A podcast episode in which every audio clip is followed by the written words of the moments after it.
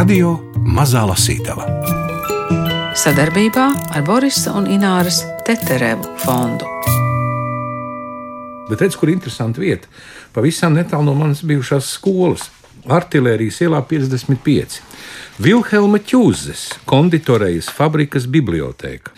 1930. gados nams Artilērijas ielā 55 bija pazīstams tālu ārpus Rīgas robežām.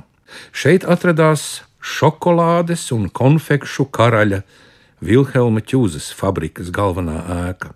Salduma valstība neaprobežojās ar vienu celtni, Tās pārziņā bija plaša teritorija, vairāk nekā 8000 km2, kur bija izvietotas gan konditorejas produktu ražošanas nodaļas, gan telpas darbinieku ērtībām, tostarp bibliotēka.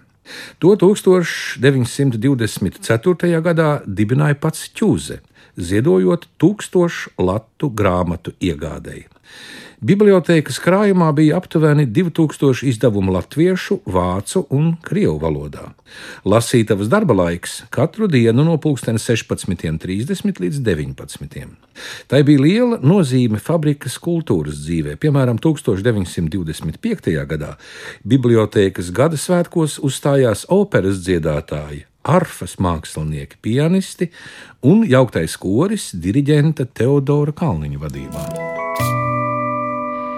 Bibliotēkas šokolādes fabrikā, lasām zāle kinoteātrī, grāmatu rūpniecības ārodu nams, kas vēlāk kļuva par slavenajiem poligrāfiķiem, sīkuma tirgus, Helmāra Rudzīša izdevniecība grāmatu draugs, par kuru interesējās pat policija, un daudzas citas lasām vietas. Var paņemt rokās drukātu cervedi vai lejuplādēt elektroniski tīmekļa vietnē grāmatai 500, lejuplādēt savā mobilajā telefonā kvadrātkodu un izstaigāt Rīgas lasām vietas, kuras bija svarīgas 20. gadsimta sākuma Rīgā. Tās apkopojas Latvijas Nacionālās bibliotekas pētniece Kristīna Papule, bet atgriežamies pie ķūzes šokolādes fabrikas strādnieku bibliotekas. Kā Kristīna vispār atrada, ka tāda bijusi? To es atradu pilnīgi nejauši, un tās to es izdarīju jau tad, kad um, lielākā daļa aprakstu bija jau gatava. Taču, kad es uh, atradu informāciju par šo biblioteku, es sapratu, ka tu obligāti vajadzētu iekļaut šajā ceļvedī. Es uh, skatījos uh, periodiku LV, meklēju informāciju par dažādām 1920. gadu bibliotekām, ar tādu domu, ka iespējams bija vēl kāda interesanta biblioteka, kuru es aizmirsu pieminēt šajā ceļvedī. Un starp visiem tiem gariem rakstiem es atradu vienu atskaiti, kura tika pieminēts tāds informācijas apkopojums par dažādām Rīgas bibliotēkām, un tur bija garš bibliotēku saraksts, un uh, viena no šīm bibliotēkām bija tieši tā Vilhelma Čūzes konditorijas fabrikas bibliotēka, un uh, tad es sapratu, ka vajadzētu pameklēt vairāk informācijas par to. Es atradu arī divas monogrāfijas par Vilhelmu Čūzi, meklēju informāciju arī periodika LV tālāk tieši rakstus un dažādas publikācijas par šīs bibliotekas tapšanu. Nu, un šāda veidā viss šis apraksts arī tika izveidots. Viena svarīga lieta, ko es vēl gribētu pieminēt, šī biblioteka tiešām bija arī ļoti, ļoti pieprasīta, un vairāk nekā 90% fabrikas strādnieku to tiešām arī izmantoja. Tā biblioteka nebija izveidota vienkārši ķeksišu pēc, tā tiešām bija un kalpoja kā tāds uh, liels kultūras centrs. Un kas man vēl ļoti patika, vai teiksim, tā piesaistīja manu uzmanību, kad es lasīju Vilhelma Čūzes fabrikas atskaites, tur bija pieminēta arī viesu grāmata, monogrāfijas par Vilhelmu Čūzi. Var atrast arī citātus no viesu grāmatas, un uh, visi viesi atzīmē to, cik moderna ir šī fabrika, cik pārdomātas tur ir telpas, un uh, kā īpašnieks ļoti rūpējas arī par saviem strādniekiem. Uh, Tātad tā, tā doma par to, ka vajadzētu nodrošināt darbiniekiem komfortablus apstākļus un padomāt vairāk par to, teiksim, tā labbūtību, piedāvāt viņam arī bibliotēku, 20. gados tas bija kaut kas inovatīvs, un Vilhelms Čuze faktiski bija viens no pirmajiem uzņēmējiem, kurš šo ideju arī realizēja. Vai parādās arī kāda informācija, kas ar šīm grāmatām notiek?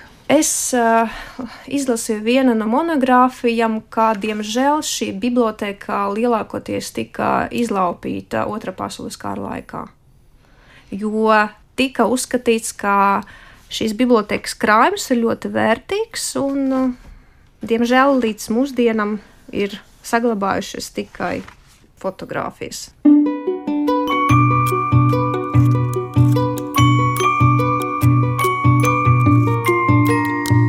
Radio Mazā Lasītava. Mums ir bijušas tādas ļoti, ļoti biezas grāmatas. Mm, Mums ir bijušas radio mazajā lasītavā grāmatas ar visgarākajiem teikumiem. Es... Ar vismazākajiem burtiņiem. Jā.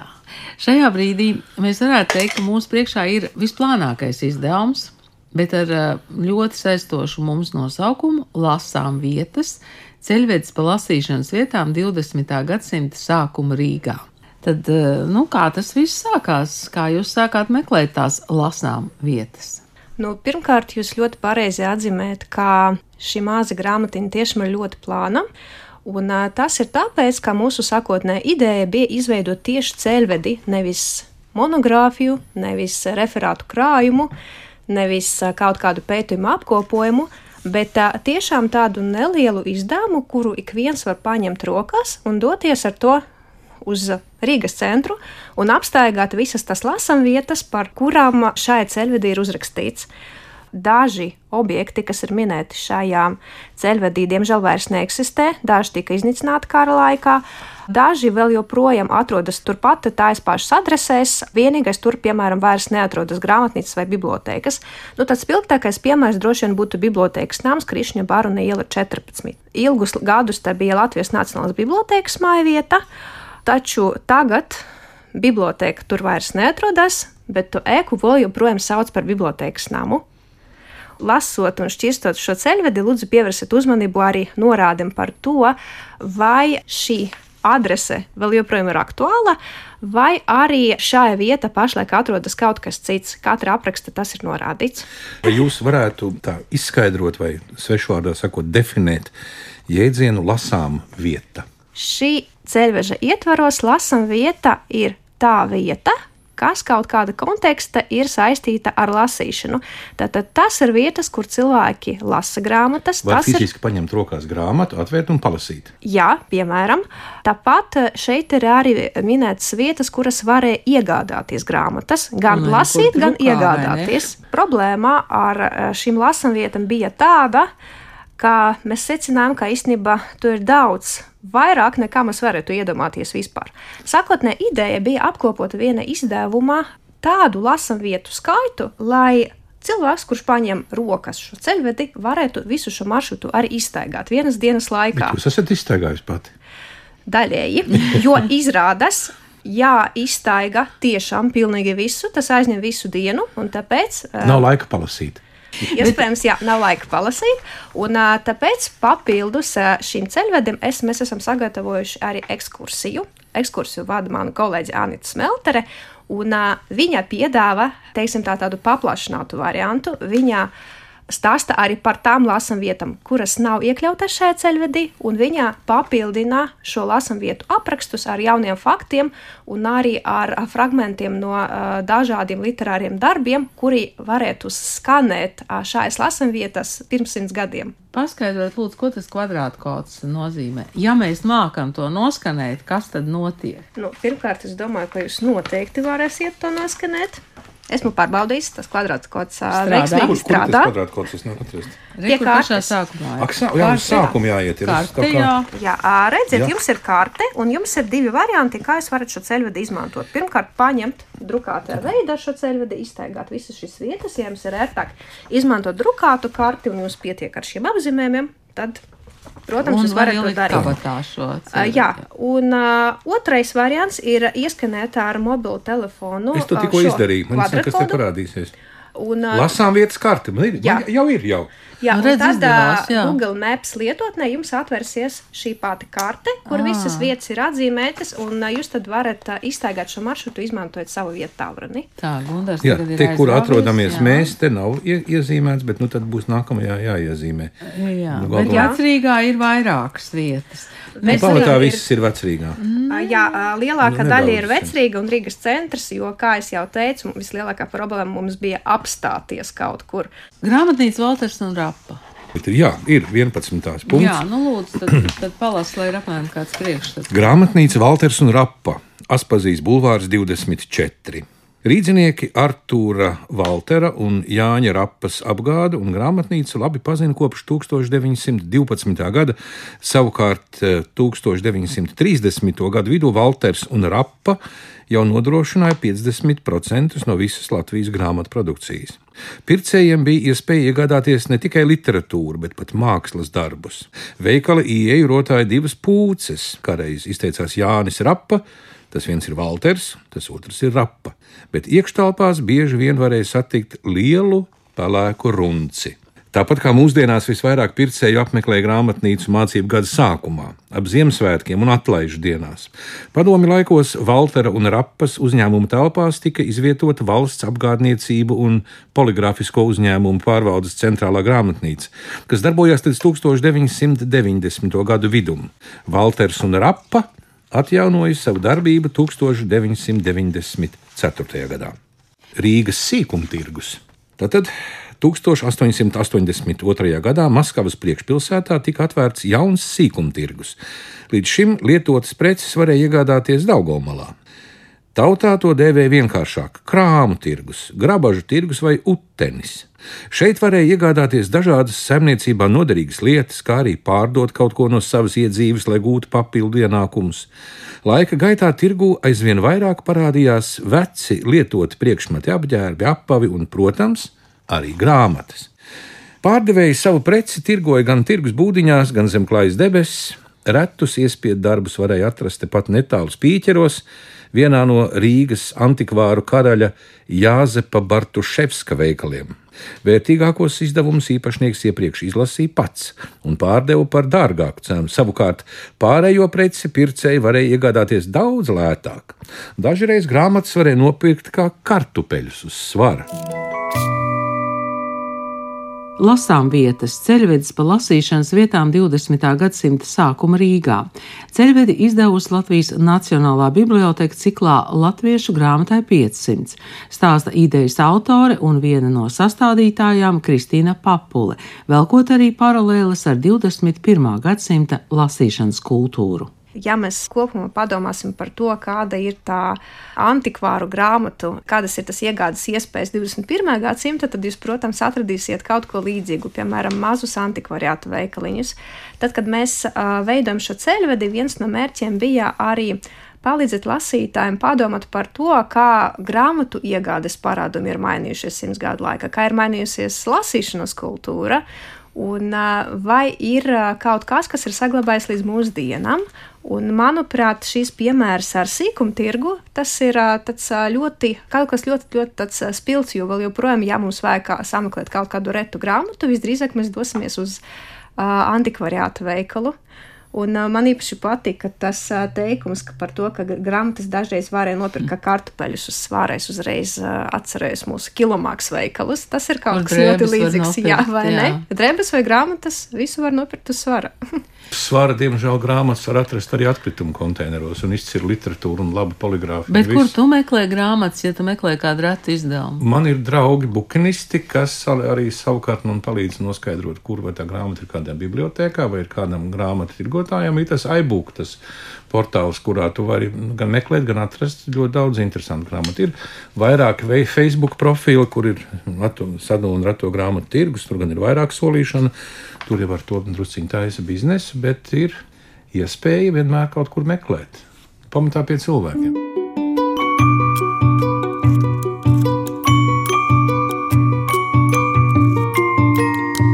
Radio Mazā Lasītava. Te ir burbuļu Lietuve, Gutenberga.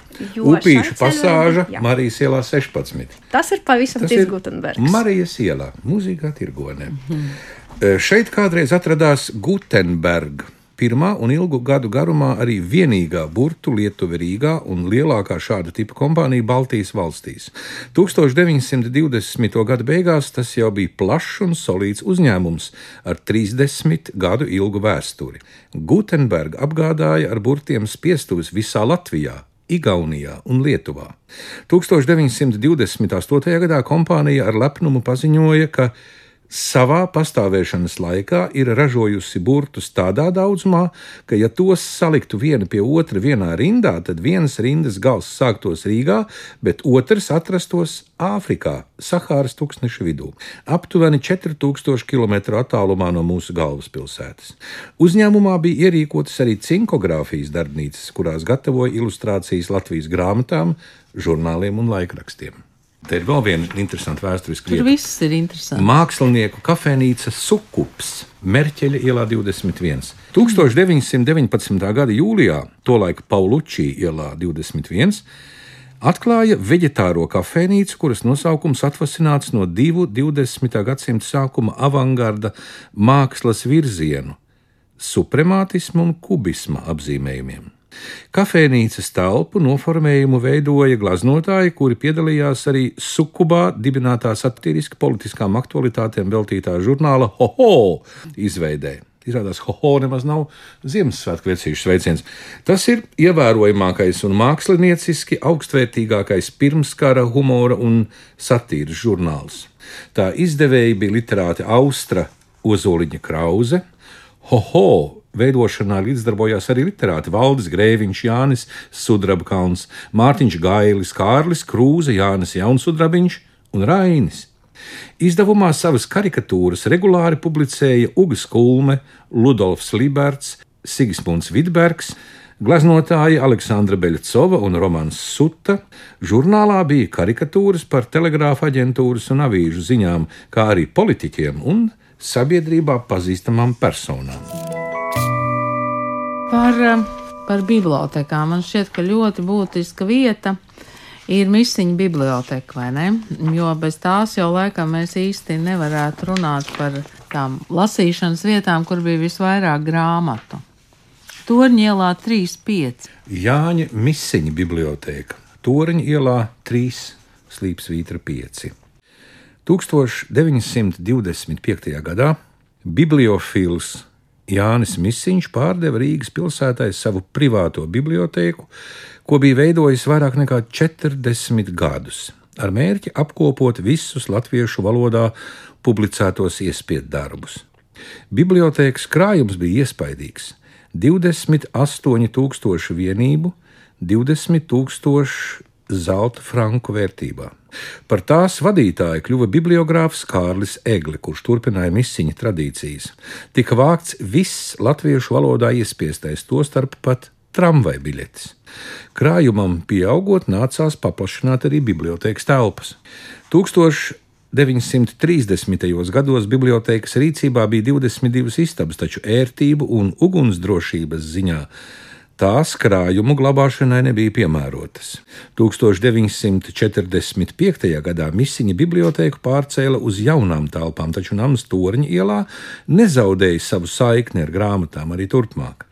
Līdz 1995. gadam ēka atradās Latvijas Nacionālās bibliotēkas pārziņā, bet vēlāk tajā izveidota Saimas bibliotēkas lasītava. Par izdevniecībām, starp citu, izdevniecība Zelktis, 20. numurs. Tā ir ļoti skaista ēka, Tērbats iela 15, 17. Tur tagad ir skola, nu, un te ir uzbildīts rakstīts, ka tā ir ķēniņa gimnāzija. Labi, izdevniecība Zelktis, Tērbats ielā 15, 17.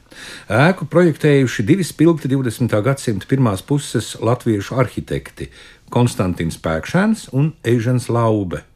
Tās pasūtītājs bija dzēnieks, jurists un izglītības darbinieks Attis Čeniņš.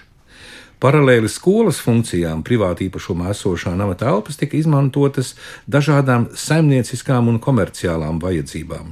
Sākotnēji namā darbojās pat maizes ceptuve, kuras ierīkošana gan nebija saskaņota. Savukārt ap 1910. gadu ēkas augšstāvā tika izveidota komponista Emīla Dārziņa mātes Marijas dārziņas vadīta pansija.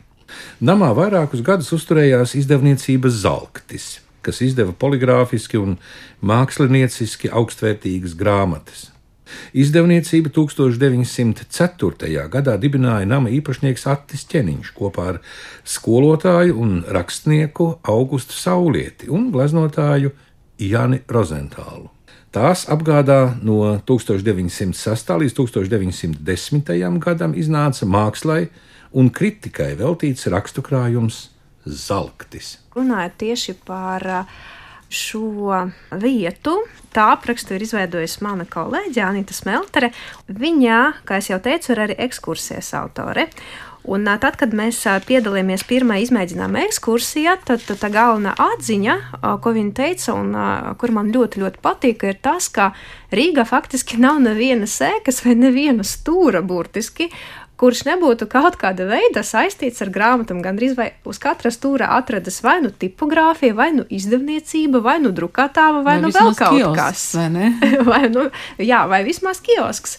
Vislielākais atklājums droši vien man veidot šo ceļvedi bija tas, eh, pirmkārt, cik eh, senas ir tas grāmatniecības tradīcijas Rīgā, jo, piemēram, viena ēkā dažādus vēsturiskos periodos varēja atrasties gan izdevniecības un tipogrāfijas, gan žurnālu redakcijas, gan bibliotēkas. Uh, Uh, un otrais tiešām ir tas, cik tomēr šo lasām vietu ir ļoti, ļoti, ļoti, ļoti daudz. Piemēram, 26. numurs Latvijas grāmatrūpniecības arodu nams. Lāčplēša pasāža, Lāčplēša ielā 43, 45. Tas ir kur? Tas ir nu, poligrāfiķi. Tie ir 1930. gadu sākumā šeit varēja satikt itin visus Latvijas tipogrāfiju un sietuvju īpašniekus. Grāmatrūpniecības uzņēmēju savienība tika dibināta 1920. gadā, bet šajā ēkā sāka darboties tikai 12 gadus vēlāk, 1932. gadā. Nams uzcelts tolaik modernajā funkcionālisma stilā. Tā autori ir vācu baltiešu arhitekti Alfrēds Kars un Kurts Betge. Grāmatrūpnieki ar lielu nepacietību gaidīja būvniecības pabeigšanu, un, kad ēka tika atklāta, žurnālā Latvijas grāmatrūpnieks rakstīja: Mēs esam uzcēluši sev gaismas pili, kurai būs apspīdēt mūsu dzīves tumšākās dienas. Padomju gados ēka pārtapa par poligrāfiķu kultūras namu, un šeit piekdienu un sestdienu vakaros varēja satikt Aināru Mielavu, Tur bija apakšā slavena diskoteka. Padomu gados tur darbojās arī Kirova rajona tautas universitāte ar nu, interesantiem lekciju cikliem. Tas tev jāraksta klāt, ir tātad. Jā. Es nevis rakstu, es tagad ierakstu radio, un pēc tam jā, to varēs kāds atšifrēt. Jā. Un pēc tam tur bija humpalu veikals, liels pavis. Mēs esam gatavi ierakstīt 21. gadsimta sākuma Rīgas mums svarīgākās lasām vietas, un tam ceļvedī ir paredzētas īpašas baltas lapas Un noteikti mēs sāksim ar Latvijas Rādio Doma laukumā 8, kur radio mazajā lasītavā grāmatas lasa Gunārs Āboliņš, Agita Bērziņa, Nora Mītas Papa un Ingvilda Strautmane un lasīs arī turpmāk. Bet pagaidām pētniece Kristīna Papule mums palīdz atrast bezgala interesantas lasām vietas 20. gadsimta sākuma Rīgā. Tajā skaitā arī kino varietēs stāra lasām zāli un Helmāra Rucīša izdevniecību grāmatu draugs, kas pievērs arī policijas uzmanību. Un to var noklausīties internetā un raidierakstos. Mēs tuvojamies Latviešu grāmatas 500 gadai un Latvijas rādio 100 gadai arī. Kristīna, kuru jūs mums ieteiktu vēl um, palasīt, jo visas nevarēs, tas ir pilnīgi skaidrs. Pati droši vien izvēlētos devīto, jo tieši ar šo vietu ir sācies šis ceļvedis.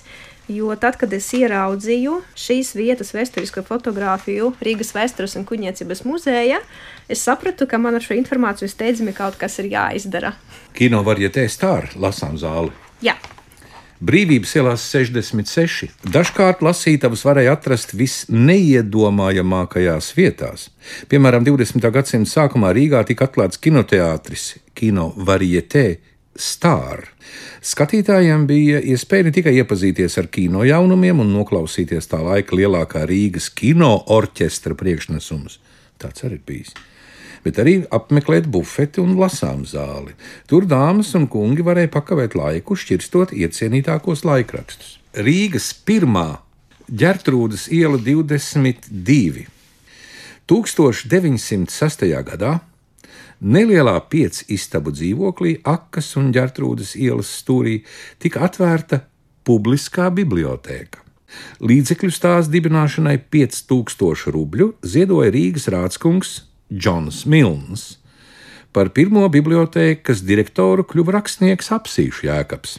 Bibliotēka bija pieejama ikkuram, ne jaunākam par 16 gadiem, kas vien tikai netraucē citu lasītāju. Vienā reizē uz mājām izsniedz ne vairāk kā divas grāmatas. Turpat bibliotekā lasītājiem bija iespēja ietīt izvēlēto lasām vielu grāmatas saudzējošā papīrā. Tā kā iestāde kļuva aizvien apmeklētāka, jau pēc dažiem gadiem to pārcēla uz daudz plašākām telpām. Galvaspilsētas pirmās publiskās lasītavas un bibliotēkas tradīcijas mūsdienās turpina Rīgas centrālā biblioteka. Jā, un turklāt Rīgas centrālā biblioteka ir arī ļoti daudzas filiāles dažādos rajonos. Taču runājot vispār par konkrētu šo bibliotēku, un īstenībā tas attiecas arī uz uh, citu objektu aprakstiem ir tas, ka dažkārt vissarežģītākais un arī visaizraujošākais bija saprast, kur tas īsti atradās. Jo adreses simts gadu laikā ir neskaitāmas reizes mainījušās, un tāpēc nevienmēr, nu, pat nevis nevienmēr, bet uh, Bieži vien tas vecas vēsturiskas adreses, kuras var atrast uh, 20. Nesaskan, jā. Jā, 20. gadsimta literatūrā, vairs sen neatbilst īstenībai. Kā mēs varētu šo ieskatu noslēgt ar vienu tādu vietu, kas ir ar numuru 19. Protams, kas ir interesanti. Ja mūsdienās nu, gandrīz visu var pasūtīt un tev atved mājās, tad šeit ir par kādu izdevniecību, kur arī darīja kaut ko līdzīgu 20. gados. Helmāra Rudzīša izdevniecība grāmatbrauks. Pētera baznīcas laukumā. 1926. gadā 23 gadus vecais Helmārs Rudzītis vecrīgā atklāja nelielu izdevniecību. Drīz laikrakstā jaunākās ziņas parādījās sludinājums, kas tolaik likās tik šokējošs, ka pat piesaistīja policijas uzmanību. Jaunas grāmatas tikai par vienu latu Tolaik grāmatas maksāja 4 līdz 5 latus gabalā. Turklāt, lai tās saņemtu, nemaz nebija jāiet uz grāmatnīcu. Grāmatas piegādāja uz mājām. Par laimi policijas aizdomas izrādījās nepamatotas. Jau pirmajā gadā Rudzītis izdeva vairāk nekā 20 grāmatu, gan tulkojumus, gan latviešu oriģinālu literatūru. Pateicoties viņam, latviešu lasītājiem bija iespēja kā lasīt Dostojevska, Dimā, Balzaka, Igū un citu slavenu autoru darbus, tā arī iepazīties ar grāmatu piegādes sistēmu, ko mūsdienās īsteno interneta veikali. Līdz šodienai izdevniecības ēka nav saglabājusies. Tas sludinājums par tik lētām grāmatām piesaistīja policijas uzmanību. Tas nav joks un tas nav pārspīlējums. Kad es lasīju Helmera Rudzīša memoārus, kurās viņš stāstīja par savas izdevniecības tapšanu, Viņš pieminēja, ka vienu dienu pie viņa ir atnācis policijas darbinieks ar noliku viņu arestēt, tāpēc ka policija mm, saprata, teiksim tā, ka tik lētas grāmatas, kuras tiek pieminētas dažādus laikrakstu sludinājumus, kā Helmara Rudzīša izdotas grāmatas, nu, tas, protams, nevar būt, un tur noteikti nu, ir kaut kas ļoti slikts aiz tā visa. Un uh, Helmārs Rudzītis, protams, bija ļoti pārsteigts par to. Viņš parādīja savu izdevniecību par to, kā grāmatas tiešām tiek izdotas, kā tās tiešām tiks piegādātas arī lasītājiem. Un tas policists bija ļoti, sākumā ļoti šokēts, un pēc tam viņš pieteicis arī par abonentu. Jā, šeit pats, viņš bija pēc grāmatas jā. par pieciem latiem. Tagad jā, viņš tagad, to pašu dabūja par latu. Tagad viņš varēja dabūt par latu, jo tur darbojas abonentu sistēma, ka tu, piemēram, samaksā to konkrētu naudas summu, un tad uh, tu saņem šīs grāmatiņas pa pastu. Cilvēkiem, protams, sākumā tas likās tā neierasti, bet pēc tam viņi saprata, nu, ka principā tā varbūt nav tik ļoti liela naudas summa. Es samaksāšu, un, ja man paveiksies, tad man kaut ko arī atvedīs. Un izrādās, ka šī sistēma tiešām darbojas, un uh, lasītāji bija ļoti apmierināti. Jā, tā tad jā. sākums tādai mūsu pakomātu sistēmai droši jā, vien. Jā. jā, jā, vai internetu veikalam.